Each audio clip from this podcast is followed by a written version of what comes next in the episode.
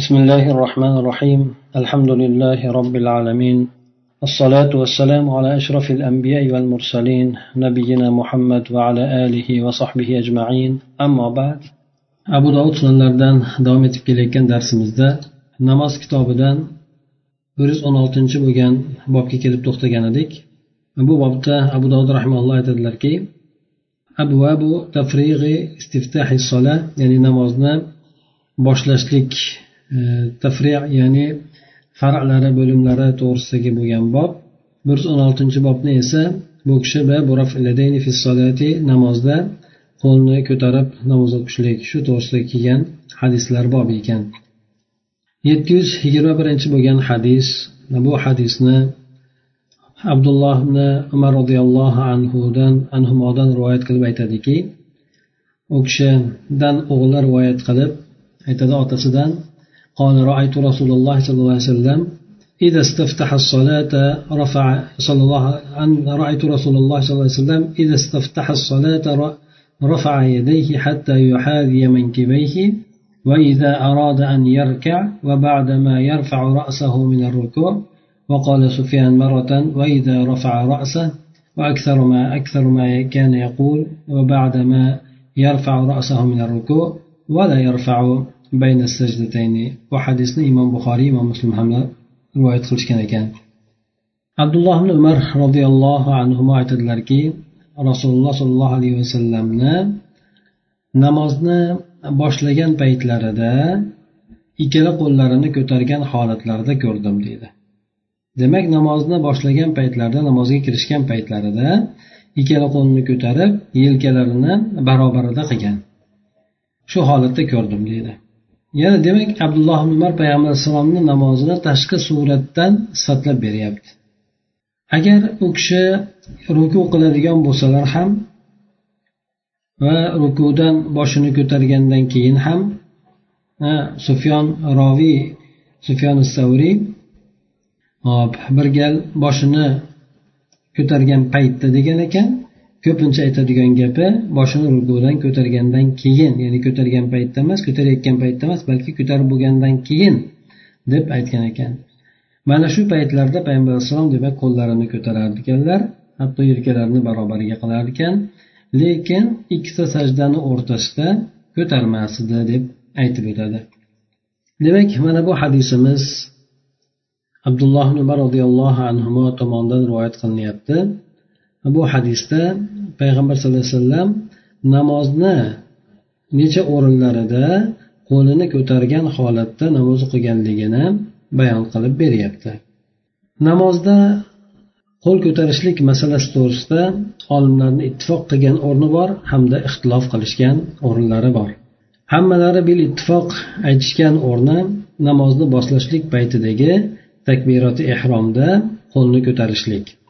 Takbirat ehrom bu ham ma'lumki sizlarga bu narsa e, vojib farz amal hisoblanadi. Namozga kirishlikdagi takbir aytishlik. Hamda ana o'sha paytda qo'l ko'tariladi. Qo'l ko'tarilgan bu hamma olimlar bu narsaga ittifoq qilishgan. Lekin undan keyingi namozni ichida qo'l ko'tarishlik borasida esa olimlarni demak mazhablarni ixtiloflari bordir. Hanafiy mazhabi olimlari o'sha birinchi paytda ko'tarilgan namozni boshlanishligi qo'l ko'tarishlikni o'ziga kifoyalanishgan mana shu narsa payg'ambar alayhissalomdan sobit kelgan. Ha qolganlar esa iztiroblik shuning uchun biz o'sha rivoyatlarga suyanamiz deb aytishadi. Boshqa mazhablar esa shu jumladan uchala mazhabda ham asosan e, molikiy mazhabida ham ba'zi mazhabdagi bo'lgan e, ba'zi qovullarda ko'tarmasligi bor lekin umumiy mazhabda olinadigan bo'lsa hamda shofiy ahmad imom ahmad mazhablarini olinadigan bo'lsa bularni hammalari namozni boshqa qo'l e, boshidan boshqa ham e, qo'l ko'tariladigan o'rinlari borligi to'g'risida bular rivoyatlarga suyangan holatda aytishgan. Umumiy suratda bular aytgan e, qo'l ko'tarish o'rinlari to'rt o'rinda hisoblanadi. Mana bu hadisda o'sha o'rinlarni bayon qilinyapti. Uchsini bayon qilindi. Ya'ni birinchisi o'sha hamma olimlar ittifoq aytishgan namozni boshlagan paytda takbirot ehrom bo'lgan paytidagi qo'lni ko'tarishlik. Ikkinchisi esa rukuga borayotgan paytida hamda rukudan turayotgan paytida. Bu ikkita bo'ldi. Hamda uchinchi bo'lgan o'rni esa e, ya'ni ikkinchi rakatdan uchinchi rakatga ya'ni qadidan turishlik paytida turgandan keyin qo'l ko'tariladi. Mana shu bilan demak e, birinchi takbiroti ehromdan boshqa uch o'rinda yana qo'l ko'tarilar ekan. E, buni buni e, uchala mazhab olimlari aytishadi. Hanafiy mazhabidagilar esa aytib o'tdik faqat boshidagi bo'lgan qo'l ko'tarishlikni o'zigagina kifoyalanishgan. Bu borada esa ularni suyangan mana hadislari keladi. Lekin aksar sahobalar Э, bu yerda sahobalardan rivoyat qiluvchilar ham bo'lgan. Bular o'sha sahobalar mana shunday qilishardi qo'llarini ko'tarishardi deb keltiradi. Hattoki imom buxoriy bu masala borasida alohida bir e, bo'lim kitobcha ham bu kishi e, alohida musani tasnif qilib yozganlar. E, bu o'rinda demak aytib o'tganimizdek ko'plab sahobalarni ko'plab olimlarni fikrlari ularni suyangan dalillari kuchli bo'lishligi bilan birgalikda o'sha namozni ichidagi asosan to'rt o'rinda qo'lni ko'tarilishligi bu birinchi takbirot ehrom bo'lsa ikkinchisi aytib o'tilgandek rukuga borayotganda hamda rukudan turganda ham uchinchi rakatga ikkinchi rakatdan turayotgan paytda. Ana o'sha o'rinlarda qo'llarni ko'tarib yelka barobarida yoki ba'zi rivoyatlarga ko'ra quloq barobarlariga olib kelinib takbir aytiladi. Hanafiy mazhabidagi olimlarni suyangan rivoyatlar esa bu borada asosan mujohidni ibn umardan bo'lgan rivoyatiga suyanishgan. Bu kishi ibn umarni orqasida namoz o'qiganda lekin ibn umarni o'shani ko'rmayotgan holatida э, ya'ni o'shanday qilmaganligini ko'rganligini ya'ni o'sha qo'lni ko'tarmaganligini bu kishi aytib o'tadi. Э, lekin olimlar aytishadiki bu rivoyat э, sanadida ya'ni zaiflik bor. Shu roviylardan birisi hifzi oxirgi umrlarida yomonlashib qolgan. Lekin aytishadi garchi bu narsani sahiy deb olinadigan taqdirda ham lekin ibn umardan boshqa roviylar mana aytaylik bir, bir o'g'illari solim yana bir xizmatkorlari nofe bulardan boshqalar ham ibn umarni o'sha qo'l ko'tarib namoz o'qiyotganligini rivoyat qilishadi. E, albatta bu yerda e, ibn umardan boshqa ko'pchilikni rivoyat qilib e, ya'ni qo'l ko'tarib o'qiganligini rivoyat qilganligi albatta bu narsa muqaddam bo'ladi. Ikkinchidan esa yana bular suyangan rivoyatlardan birisi abdulloh ibn masud roziyallohu anhuni ham rivoyatlariga e, suyanganlar bular. E, lekin bunda ham o'sha olimlar aytishadiki abdulloh ibn masud roziyallohu anhu bu kishini ba'zi o'rinda qo'l ko'tarib namoz o'qiganligini aytishgan lekin bunga ham boshqa olimlar e, aytib o'tishadi. Ya'ni bu kishidan ko'ra boshqa bo'lgan e, sahobalarni ko'tarib o'tganligi hattoki bu rivoyatida ham baribir zaiflik borligini aytishadi lekin sahiylik bo'lgan taqdirida ham e, bu nima qo'l ko'tarishlik vojib emas shuning uchun ba'zi o'rinda tark qilishlik ba'zi o'rinda qilishlik joiz deb E, aytishgan. Ya'ni bu narsa sunnat bo'lganligiga ko'ra ba'zi o'rinda tark qilishlik ba'zi o'rinda qilishlik bo'laveradi deb shu bilan javob berishgan bunga. Lekin ko'plab e, hadislarda sahiy bo'lgan hadislarda hamda aytaylik e, o'sha jannat bilan bashorat berilgan o'nta sahobiydan bo'lgan rivoyatlarda ham hammasida aytishadiki bu qo'l ko'tarib namoz o'qishlik bu sobit bo'lgan. Yana bundan tashqari bu sahobalardan rivoyat qilganlar esa taxminan e, ellik e, sahobiyga yetganligini ham aytishadi. Ya'ni shulardan ellikta sahobiydan shunday e, qo'l ko'tarib o'qilganligi rivoyat qilinganligini aytishadi. Bu bo'lganda ham aytib o'tilgandek bu sunnat bo'lgan amal albatta sunnat bo'lgandan keyin bunday qilmasdan o'qilgan namoz ham o'zi aslida durust bo'laveradi. Lekin e, sunnatdan bo'lganligi afzalroq bo'ladi. Endi bu narsa agar fitnaga olib boradigan bo'lsa unda vaqtincha o'sha narsani tark qilishlik afzal bo'ladi. Yetti yuz yigirma ikkinchi e, bo'lgan hadisda mana quyidagi bo'lgan hadislarda o'sha qo'l ko'tarib namoz o'qishlikni rivoyatlarini birma bir sanab o'tiladi. Bulardan mana e, abdulloh ibn umardan yana o'zlaridan rivoyat qilinyapti. Aytadilarki kana rasululloh sollallohu alayhi vasallam حظو منكبيه ثم كبر وهما كذلك فيركع ثم إذا أراد أن يرفع صلبه رفعهما حتى تكونا.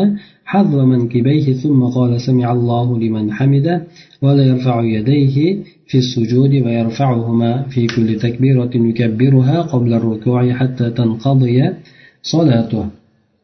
عبد الله بن عمر رضي الله عنه aytadilarki rasululloh sollallohu alayhi vasallam agar namozga turadigan bo'lsalar qo'llarini ko'tarardilar. Hatto qo'llari yelkalarini barobarda ro'parasida bo'lardi. So'ng takbir mana shunday bo'lgan holatlarda takbir aytadilar demak qo'lni ko'tarib keyin takbir aytadilar keyin u kishi undan keyin albatta qiroat bo'ladi undan keyin ruku qiladi. E, ruku qiladida ya'ni rukudan ya'ni ya'ni rukuda ketishlik paytida ham takbir aytadi. Hop ya'ni takbir e, ruku qilishdan oldin takbir aytib turib keyin ruku qiladi dedi. E, keyin yana aytdiki e, rukudan turayotgan paytida sulbini ya'ni belini ko'tarayotgan ko'tarishlikni xohlagan paytida ikkala qo'lini ko'taradida hatto ikkala qo'li yana yelka barobarida bo'ladi. Ya'ni mana bunda ham takbir aytadi. So'ng sami allohu liman hamida deb rukudan turishlikda aytadi. Bu yerda ikkala qo'lini E, sajda qilgan paytida endi ko'tarmaydi.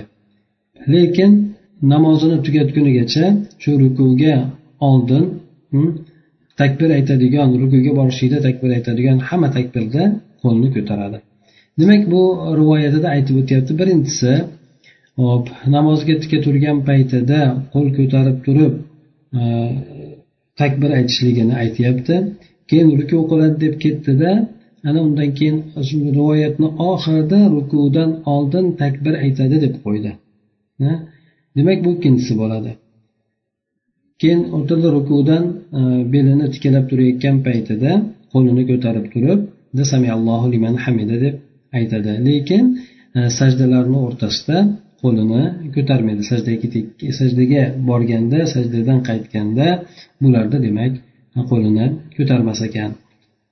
yetti yuz yigirma uchinchi bo'lgan hadis bu hadisni abdurahmon nuvoyl ibn juhur degan hujr degan odam aytadiki كنت غلاما لا أعقل صلاة أبي قال فحدثني وائل بن علقمة بعض rivoyatlarda to'g'rilab turib علقمة بن وائل deb keltirilgan ekan عن أبي وائل بن حجر قال صليت مع رسول الله صلى الله عليه وسلم فكان إذا كبر رفع يديه قال ثم التحف ثم أخذ بشماله بيمينه وأدخل يديه في ثوبه قال فإذا أراد أن يركع أخرج يديه ثم رفعهما وإذا أراد أن يرفع رأسه من الركوع رفع يديه ثم سجد ووضع وجهه بين كفيه وإذا رفع رأسه من السجود أيضا رفع يديه حتى إذا فرغ من صلاته قال محمد فذكرت ذلك للحسن بن أبي الحسن قال هي صلاة رسول الله صلى الله عليه وسلم فعله من فعله وتركه من تركه قال أبو داود روى هذا الحديث همام عن ابن حجار هجادة جحادة لم يذكر الرفع مع الرفع من السجود bu hadisni abu dovud rahmaulloh abdul jabbor ibn voil ibn hujurdan rivoyat qilgan ekan u kishi aytadiki men otamni namozini u qadar darajada anglaydigan anglaydigan darajada bo'lmagan bir bola edim deydi. Ya'ni yosh bola bo'lgan edi ekan otasini o'qiyotgan namozini o'qida darajada ja aql qilib anglab yubormas edi ekan ya'ni yosh bola bo'lgan edi ekan. Shunda aytadiki e, menga voil ibn e, alqama ibn voil rivoyat qilgan aytib beradi. U esa abi voil ibn hujuddan aytib beradi. Aytadiki bu men payg'ambar sallallohu alayhi vasallam bilan birgalikda namoz o'qigan edim. U kishi agar takbir aytadigan bo'lsalar qo'llarini ko'tarardilar boshida e, keyin esa kiyimlarini o'ziga o'rab olardi. Chap qo'lini esa o'ng qo'li bilan ushlar edi. Ya'ni qo'lini ko'ksiga qilishlikda albatta chap qo'lni o'ng qo'li bilan ushlanadi. Keyin keyin e, ikkala qo'lini kiyimini ichiga kirgizar edi deydi e, bu narsa ko'proq mana pastda ham keladi. Qishki paytlarda bo'lganligi ya'ni qishki paytlarda sovuq bo'lganligidan qo'lni quloq qoqqandan keyin qo'lni ichkariga kiyimini ichiga olib olganligi ham pastdagi rivoyatlarda kelib o'tadi. Keyin e, ruku qilishlikni xohlagan paytlarida qo'llarini chiqarardilarda yana ko'tarardilar va boshini rukudan ko'tarishlikni xohlagan paytda ham qo'lini ko'tarardi. So'ng sajda sajda qiladi va peshonasini kaftini o'rtasiga qo'yadi ya'ni ikkala qo'lini o'rtasiga qo'yadi. Boshini sajdadan ko'tarishlik paytida ham qo'lini ko'tarardi deydi hattoki namozdan bo'shagunigacha muhammad tashroviylardan birisi aytadiki buni hasan ibn abil hasanga e, aytib o'tgan edim. U kishi aytdilarki bu rasululloh sollallohu alayhi vasallamni namozlari mana shunday bo'lgan. Buni qilganlar qiladi tark qilganlar tark qilgan buni deb aytadi. Abu dovud rahmaulloh o'ziga aytib o'tadilarki bu hadisni hammom e, ibn juhadadan rivoyat qilgan. Lekin bu yerda sajda qilgan boshni ko'tarayotgan paytda E, qo'lni ko'targanligini zikr qilmagan deb aytib o'tadi. Demak bu yerdagi e, ortiqcha bo'lgan ziyoda amal sajdadan turayotgan paytida ham qo'lni ko'targanligi kelgan lekin buni boshqa rivoyat esa sajdadan turayotgan paytda qo'lni ko'targanligini boshqa rivoyatda aytilmagan. besh yuz yetti yuz yigirma to'rtinchi bo'lgan hadisda aytib o'tadiki e, bu hadisni o'sha abdujabbor ibn voil aytadiki حدثني أهل بيتي عن أبي أنه حدثهم أنه رأى رسول الله صلى الله عليه وسلم رفع يديه مع التكبير payg'ambar u kishiga ya'ni otasi hadis qilib aytib bergan ekan payg'ambar sallallohu alayhi vasallamni takbir bilan birgalikda qo'lni ko'targanligini ko'rgan ekan ya'ni qo'lni ko'tarayotgan paytda takbir bilan birgalikda ikkalasi bo'lganligi endi bu yerda yana olimlar aytishadiki inson qanday bo'lgan paytda takbir bilan takbir aytishlik bilan qo'l ko'tarishlik qanday bo'ladi? Oldin e, qo'lni ko'tarib turib keyin takbir aytadimi yoki takbir aytib turib keyin qo'lni ko'taradimi yoki ikkalasini barobar qiladimi?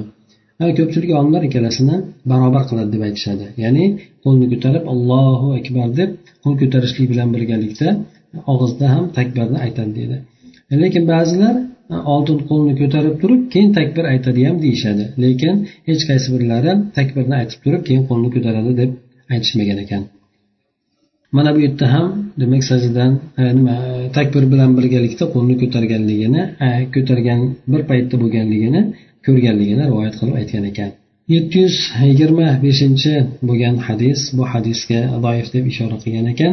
Bu yerda ham ayni mana shu hadisni boshqa rivoyat yo'ldan kelgani bunda u kishi أنه أبصر النبي صلى الله عليه وسلم حين قام إلى الصلاة رفع يديه حتى كانتا بحيال منكبيه وحاذا بإبهاميه أذنيه ثم كبر bu kishi payg'ambar sallallohu alayhi vasallamni shunday bir holatda ko'rgan ekan namozga turgan paytda qo'lini ko'targan hatto yelkasini barobarida bo'lgan paytida va ikkita ibhom ya'ni bosh barmoqlari qulog'ini barobarida bo'lgan paytida e, bo'lgan ekan ana undan keyin payg'ambar sallallohu alayhi vasallam takbir aytganligi keladi.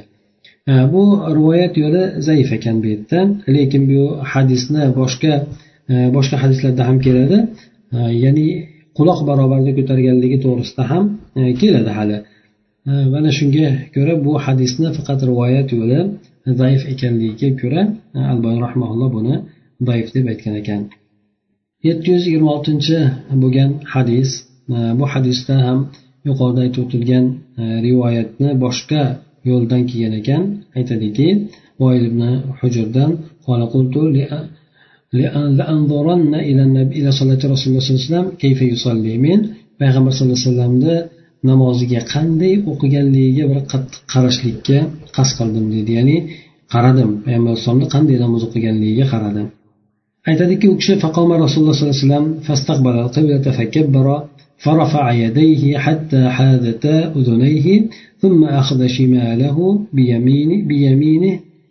فلما أراد أن يركع رفعهما مثل ذلك ثم وضع يديه على ركبتيه فلما رفع رأسه من الركوع رفعهما مثل ذلك فلما سجد وضع رأسه بذلك المنزل من بين يديه ثم جلس فافترش رجله اليسرى ووضع يده اليسرى على فخذه اليسرى وحد مرفقه الأيمن على فخذه اليمنى وقبض ثنتين وحلق حلقة ورأيته يقول هكذا وحلق آه، بشر الإبهام الوسطى وأشار بالسبابة.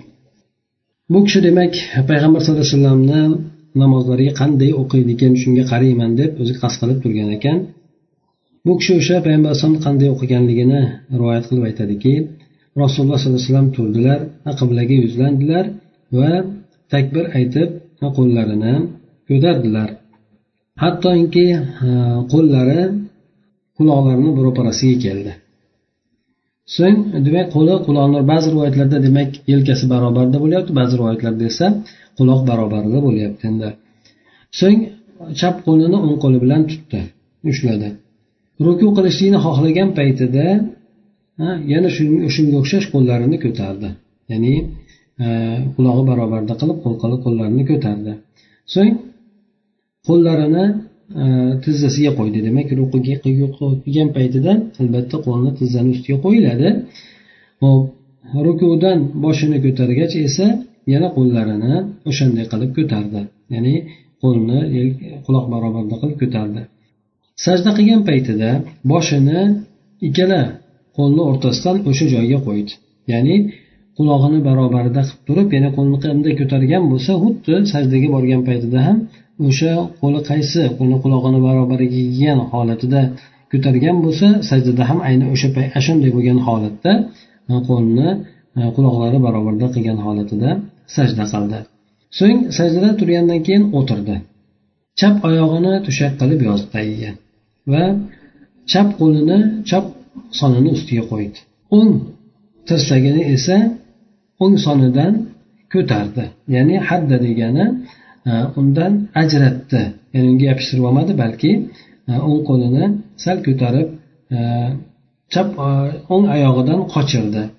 Va keyin yana keyin ikkita kichkina barmog'ini nomsiz barmoq bilan chimchalog'ini qabodo ya'ni bog'ladi. Yumdi. Va shunda hallaqa halqatan bir tumaloq bir halqa qildi. Men u kishini yaqulu degan bu yerda yafalu degan ma'noda men u kishini shunday deb shunday qilayotgan holatda ko'rdim.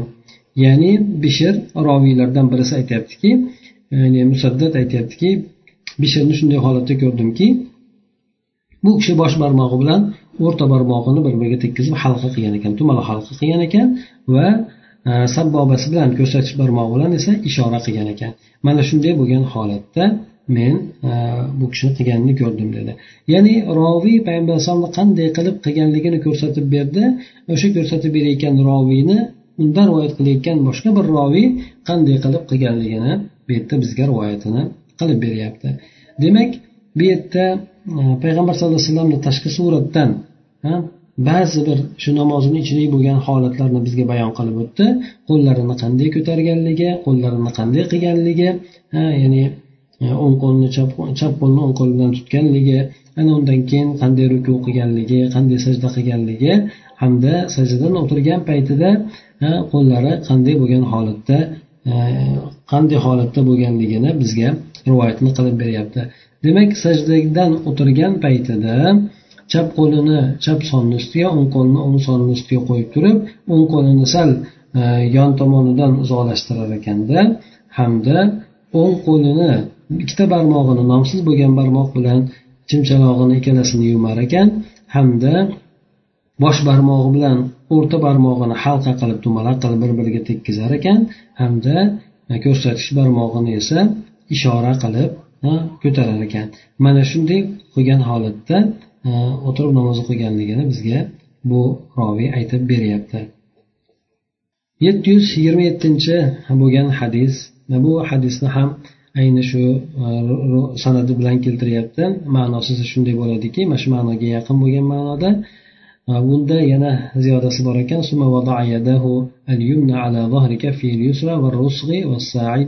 وقال فيه ثم جئت بعد ذلك في زمن فيه برد شديد فرأيت الناس عليهم جل الثياب تحرك أيديهم تحت الثياب payg'ambar sallallohu alayhi vasallamni yana bir holatini aytib o'tyaptiki bu yerda so'ng e, o'ng qo'lini tikka turgan paytida e, chap kaftini ustiga bilagini hamda rusuh degan o'sha suyak e, kaf bilan bilakni o'rtasini ajratib turuvchi suyak ana shuni ustiga qo'ydi ya'ni inson quloq qoqqandan keyin qo'lni qanday qo'yadigan bo'lsa ya'ni o'ng qo'lini chap qo'lini ustiga qilib qo'yadi. Hamda bu yerda bilagi hamda o'sha ro'z suyagini ustidan qilib qo'yadi. Mana shunday qilganini ko'rdim payg'ambar alayhissalom deydi. Keyin esa bir keyingi bir keyinroq bir paytda keldim. U qattiq sovuq bo'lgan zamon edi ya'ni qattiqroq bo'lgan sovuqda sovuqda keldim yoki qish faslida keldimki odamlarda o'sha holatda sahobalarni ko'rdim. Bularni ustilarida bir to'liq kiyimlari bor edi. Ya'ni yozda ancha odam yupun bo'ladigan bo'lsa qishda esa to'liq kiyinardi aytaylik tepasidan to oyog'igacha bo'lgan kiyimda bo'lar. Chunki madinada ham o'ziga yarasha sovuq qattiq bo'ladi ba'zida. Bularni qo'llari esa kiyimlarini ostidan harakatlanar edi. Qo'llari kiyim ya'ni qo'llarini tashqariga chiqarmasdi. O'sha quloq qoqqandan keyin kiyimni ichiga qo'lini tiqib turib ana o'sha yerda qo'lini ushlab turar edi. Hamda qo'l ko'taradigan bo'lsa ham ba'zi o'rinlarda chiqarish mumkin bo'lgan o'rinlarda qo'lini chiqarib ko'tarilardi. Agar chiqarish mumkin bo'lmagan ya'ni chiqarish qiyinroq bo'ladigan ya'ni ustiga kattaroq bir narsani sovuqdan to'sgan bo'lsa o'sha ichidagilar e, qo'llarini ko'tarishardi ya'ni kiyimlarini ostidan qo'llari harakatlanardi deb aytib o'tadi.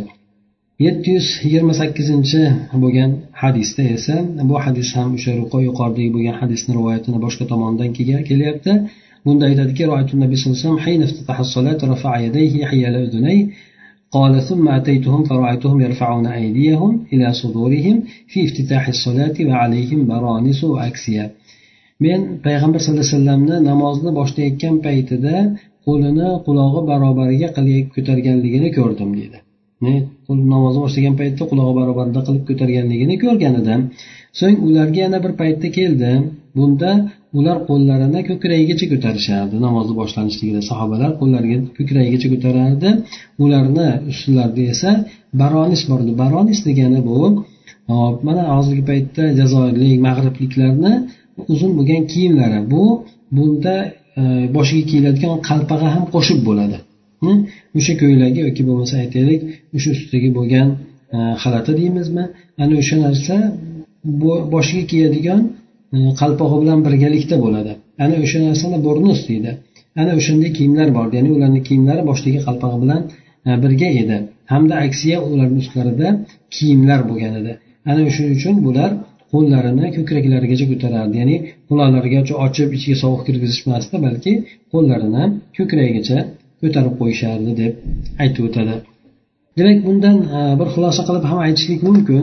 Ular masalan payg'ambar alayhisalomdan e, qo'lni quloq barobarida ko'targanligi ko'krak barobarida ko'targanligi ehtimol ikki paytda ya'ni qishda yozda bo'lgan bo'lishligi ham ehtimoli mumkin bo'lishi mumkin. Yoki bo'lmasa ikkalasi ham joiz ya'ni quloq barobarida ko'tarishlik ham yelka barobarida ko'tarishlik ham. Lekin olimlar aytishadiki bu yerda ayollarda alohida bir xususiyati yo'q o'zi aslida. Rivoyat ikkalasi uchun bir kelgan. Ya'ni quloq barobarida ko'tarishlik yoki yelka barobarida ko'tarishlik. Hanafiy mazhabida esa erkaklar quloq barobarida ko'taradi ayollar esa yelka barobarida ko'taradi endi. Bu narsani ayollar uchun sal e, qimtinib namoz o'qishlikka bu dallat qiluvchiroq deb aytishadi. Ana shundan bular yelka barobarida ko'tarishlik ayollar uchun deb belgilashgan. O'zi aslida yelka barobarida ko'tarishlik erkaklar uchun ham quloq barobarida ko'tarishlik ham erkaklar uchun ham ayollar uchun ham alohida ajratilmagan holatda kelgan deb olimlar aytishadi. Bir yuz o'n yettinchi bo'lgan bobda esa babu solati namozni o'sha boshlashlik to'g'risidagi bob bu ham bu yerda ham o'sha void ibn hujurdan bo'lgan rivoyat yetti yuz yigirma to'qqizinchi bo'lgan hadis u kishi aytadilarki ataytu nabiy sallallohu alayhi vasallam fi shita faraytu ashabahu yarfa'una aydiyahum fi thiyabihim fi solati ya'ni men payg'ambar sallallohu alayhi vasallamni huzurlariga qishda kelgan edim. U kishini sahobalarini qo'llarini kiyimlarini ichida namozda turib kiyimlarini ichida ko'tarayotgan holatda ko'rdim deb. Demak inson namozda qishda bo'ladigan bo'lsa qo'li kiyimini ichida turadigan bo'lsa tashqariga chiqarib ko'tarishlik shart emas ekan. O'sha qo'lni ichida kiyimini ichida ham ya'ni bu yerda ustida cho'poni bo'ladimi yoki bo'lmasa to'ni bo'ladimi o'sha narsani tagidan bo'ladigan bo'lsa o'shanday qilib ko'tarib qo'yishlikni joizligini bildiradi bu.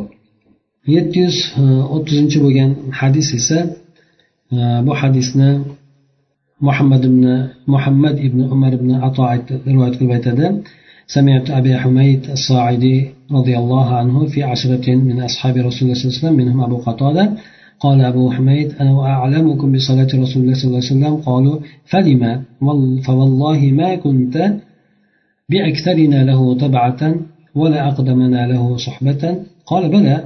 قالوا فأعرض. قال كان رسول الله صلى الله عليه وسلم إذا قام إلى الصلاة يرفع يديه حتى يحاذي بهما منكبيه ثم يكبر حتى يقر كل عظم في موضعه معتدلا ثم يقرأ ثم يكبر فيرفع يديه حتى يحاذي بهما منكبيه ثم يركع ويضع راحتيه على ركبتيه ثم يعتدل فلا يصب رأسه ولا يقنع ثم يرفع رأسه فيقول سمع الله لمن حمده ثم يرفع يديه حتى يحاذي بهما منكبيه معتدلا ثم يقول الله أكبر ثم يهوي إلى الأرض فيجافي يديه على عن جنبيه ثم يرفع رأسه ويثني رجله اليسرى فيقعد عليها ويفتح أصابع رجليه إذا سجد ثم يسجد ثم يقول الله أكبر ويرفع رأسه ويثني رجله اليسرى فيقعد عليها حتى يرجع كل عظم إلى موضعه ثم يصنع في الأخرى مثل ذلك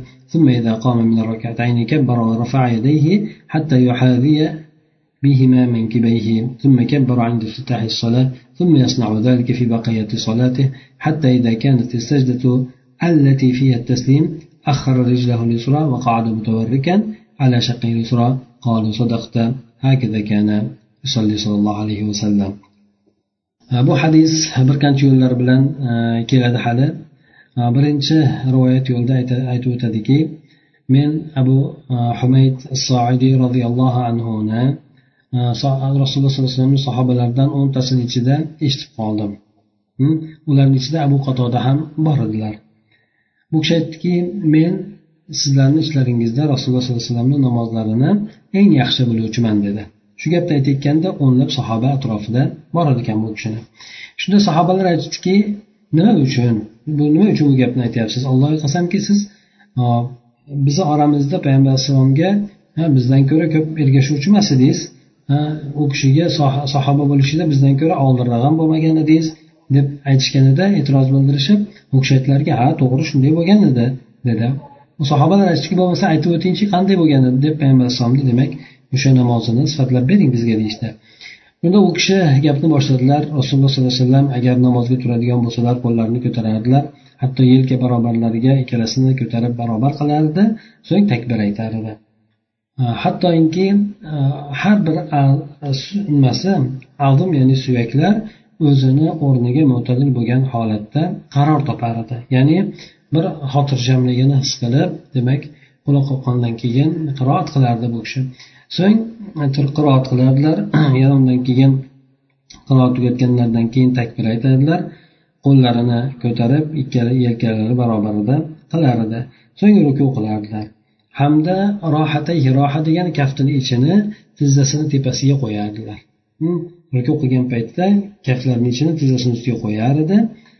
E, demak e, ruku qilayotgan paytida tizzani tepasini qo'lni qo'l bilan to'liq egallaniladi ba'zilar esa tizzani tepasidan e, qo'yadi. Bu narsa esa sunnatga xilof surati to'g'ri emas balki tizzani tepasiga e, o'sha kaftini qo'yishlik mana shu narsa sunnatdandir.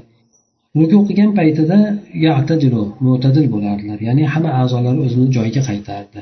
Ya'ni e, bir xotirjamlikni his qilardi. Bu yerda boshini pastga quyi qilib moyil ham qilib tashlamas edi. Boshini belidan yuqori qilib ko'tarmasdi ham. So'ng demak o'sha mo'tadil turardi. Hatto boshi rukuga turgan paytida ham pastga ham qilib ekan tepaga ham ko'tarib yubormas ekan barobar bel bilan barobar turardi ekan so'ng boshini ko'tarib aytardik samiallohu liman hamid deb aytardi. So'ng e, qo'llarini ko'tarib o'sha e, yelkalari barobariga qilardi. Mo'tadil bo'lgan holatida bunda ham ya'ni bir nafasni rostlardilar yoki xotirjamlikni bir his qilardilar. Keyin keyin allohu akbar deb yerga qarab ketardilar sajda qilishlikka. Shunda sajda qilgan paytlarida qo'llarini ikki yonidan chetga ajratar edi ya'ni qo'llarini yoniga yopishtirmas edi undan uzoqlashtirardi. Boshini esa ko'tarib sajdadan ko'tarardi hamda chap oyog'ini bukar edi uni ustiga o'tirardi keyin. Hmm, chap oyog'ini bukib uni ustiga o'tiradi. Ya'ni o'ng oyog'i tikka qiladi endi nima sunnat bo'yicha. Sajda qilgan paytda oyoqlarini barmoqlarini orasini ochar edi sajda qilgan paytda oyoqlarini barmoqlarini orasini yumolmasdi sal ochar edi so'ng sajda qilardi. Aytardiki allohu akbar deb aytar edi boshini ko'tarardi keyin chap oyog'ini yana bukib uni ustiga o'tirardi. Hatto har bir a'zo ya'ni har bir suyak o'zini o'rniga qaytaradi. Bu aytayotganligi e, jilsati istiroha deyiladi. Jilsati istiroha bu narsani olimlar aytishadiki ya'ni inson birinchi rakatni o'qib ikkinchi rakatga turayotgan paytida bir o'tirib olishlik. Bu narsa hojat uchun qilinadi deb aytishadi. Payg'ambar alayhisalom umrlarini oxirgi paytlarida qilardi bu narsani. O'sha narsaga hojat topiladigan bo'lsa inson qilishligi bo'laveradi. Lekin e, bu narsa e, hojat bo'ladigan bo'lsa sunnat doimiy emas deb olimlar shunday deb bir e, bir majmua olimlar shunday deb aytishadi. Chunki buni payg'ambar alayhisalom avvalgi davrlarda qilmagan umrlarini oxirlarida bu narsani qilgan o'shanga yoshi o'tganligi uchun ehtiyoj sezganligidan bo'lsa kerak vallohu alam deb aytishadi. O'shandan rivoyat qilganlardan ba'zi e, sahobalar o'shani rivoyat qilmagan ba'zilar rivoyat qilgan o'sha jilsatil istiroha bo'lganda. Mana bu hadisda ham e, mana bu rivoyatda ham o'sha jilsatil istirohani aytib o'tyapti. Demak sajdadan o'tirgan paytida bir hamma a'zolari bir o'zini o'rniga kelib oladida ana undan keyin turadi. Endi mana shu narsani tushib bo'shaganda boshqa harakatlarda ham qiladi dedi. Endi ikkinchi rakatdan turadigan bo'lsa takbir aytardi va qo'llarini ko'tarardi. Ikkinchi rakatdan turgan paytida ya'ni uchinchi uch rakatlik to'rt rakatlik namoz o'qiyotgan paytda ikkinchi rakatda ya'ni tashahhuddan keyin turadigan bo'lsa bunda ham qo'llarini ko'tarardi hattoki yelka barobariga qilardi. Xuddi namozni avvalgi boshlashlikda takbir aytgani kabi u shunday qilardi. Ana o'sha narsani namozini qolgan o'rinlarda ham qilardi. Hattoki e, mana salom berishlik unda bo'lgan sajda qilgan paytda ya'ni oxirgi rakatda e, sajda qilgan paytida sajdadan o'tirgan paytida e, chap oyoqlarini tahir qilar edi ya'ni tahir qilardi ya'ni bu oyog'ini ostidan ya'ni o'ng sonni ostidan chap oyog'ini chiqarar edi va chap tomoniga dumbasi bilan o'tirar edi. Chap dumbasi bilan chap tomoniga o'tirar deydi buni ham e, bu o'tirishlikni ham mutavarrik tavarrik o'tirish deb o'tirish deb aytiladi. E, bu borada ham olimlarni ixtilofi bor. E, bu ba'zi olimlar mana hambaliy shofiy mazhabida shunday deb aytishadi. Agar e, oxirgi rakat bo'ladigan bo'lsa ana o'sha oxirgi rakatda o'tiriladi. Agar uch rakatli to'rt rakatli bo'ladigan bo'lsa birinchi jilsada e, tashahhudga o'tirgan paytida chap oyog'ini yozib turib o'shani ustiga o'tiradi. Oxirgi e, rakat bo'ladigan bo'lsa oxirgi rakatda sajdadan keyin esa oyog'ini solni ostidan chiqargan holatida yerga dumbalarni yerga qilib o'tiradi deb aytishadi. Lekin molikiy mazhabi desa biroz farqli bo'ladi. Bunda ikki o'rtasida shunday qiladi deb e, bular aytishadi. Э, yana birinchi bo'lgan nimada ham e, qilishadi deb aytadi. Birinchi jilsa o'tirishlikda ham deb aytishadi. Hanafiy olimlar esa ikkala jilsada ham ya'ni ikki rakatlik namozda bo'lsin yoki uch rakatli namozda bo'lsin ikkinchi rakatida ham uchinchi rakatda yoki to'rt rakatli bo'lsin ikkinchi to'rtinchi rakatlarda hammasida bir xil suratda chap oyog'ini yozib turib o'sha chap oyog'ini ustiga o'tiradi. Mana shu narsa demak hanafiy olimlari aytishadi. Demak bu rivoyatlar ikkala mazhab olimlarida ham o'zlariga yarasha rivoyatlari kelgan. Shuning uchun bu masala o'sha holatida qolaveradi. Shunda sahobalar aytishdiki qoli sodaqda to'g'ri aytdingiz dedi. Haqiqatdan payg'ambar alayhissalom mana shunday namoz o'qiyar edi deb e, keltiradi. E, demak e, bu hadislar payg'ambar alayhissalomni o'sha namozni boshlashlik paytida qanday boshlaganligi hamda umumiy suratda tashqi tomondan qaysi qanday narsalarni qilganligi to'g'risida ba'zi bir rivoyatlarga asoslangan holatda u kishini e, namozlarini qanday o'qilganligini bayoni yuqorida o'tdi. Mana bu hadislarga suyangan holatda esa biz payg'ambar alayhissalomni qanday o'qiganligi to'g'riroq bo'lgan yoki qaysi birini dalil hujjati kuchliroq bo'lgan ana o'sha narsaga qaragan holatda u kishiga ergashadigan bo'lsak bu narsa afzalroq bo'ladi. Lekin fitna bo'ladigan o'rinlarda bo'ladigan bo'lsa albatta o'sha mazhablarda o'qiladigan holatda o'qishlik afzalroq bo'ladi سبحانك اللهم وبحمدك نشهد أن لا إله إلا أنت نستغفرك ونتوب إليك اللهم انفعنا بما علمتنا وعلمنا ما ينفعنا وزدنا علما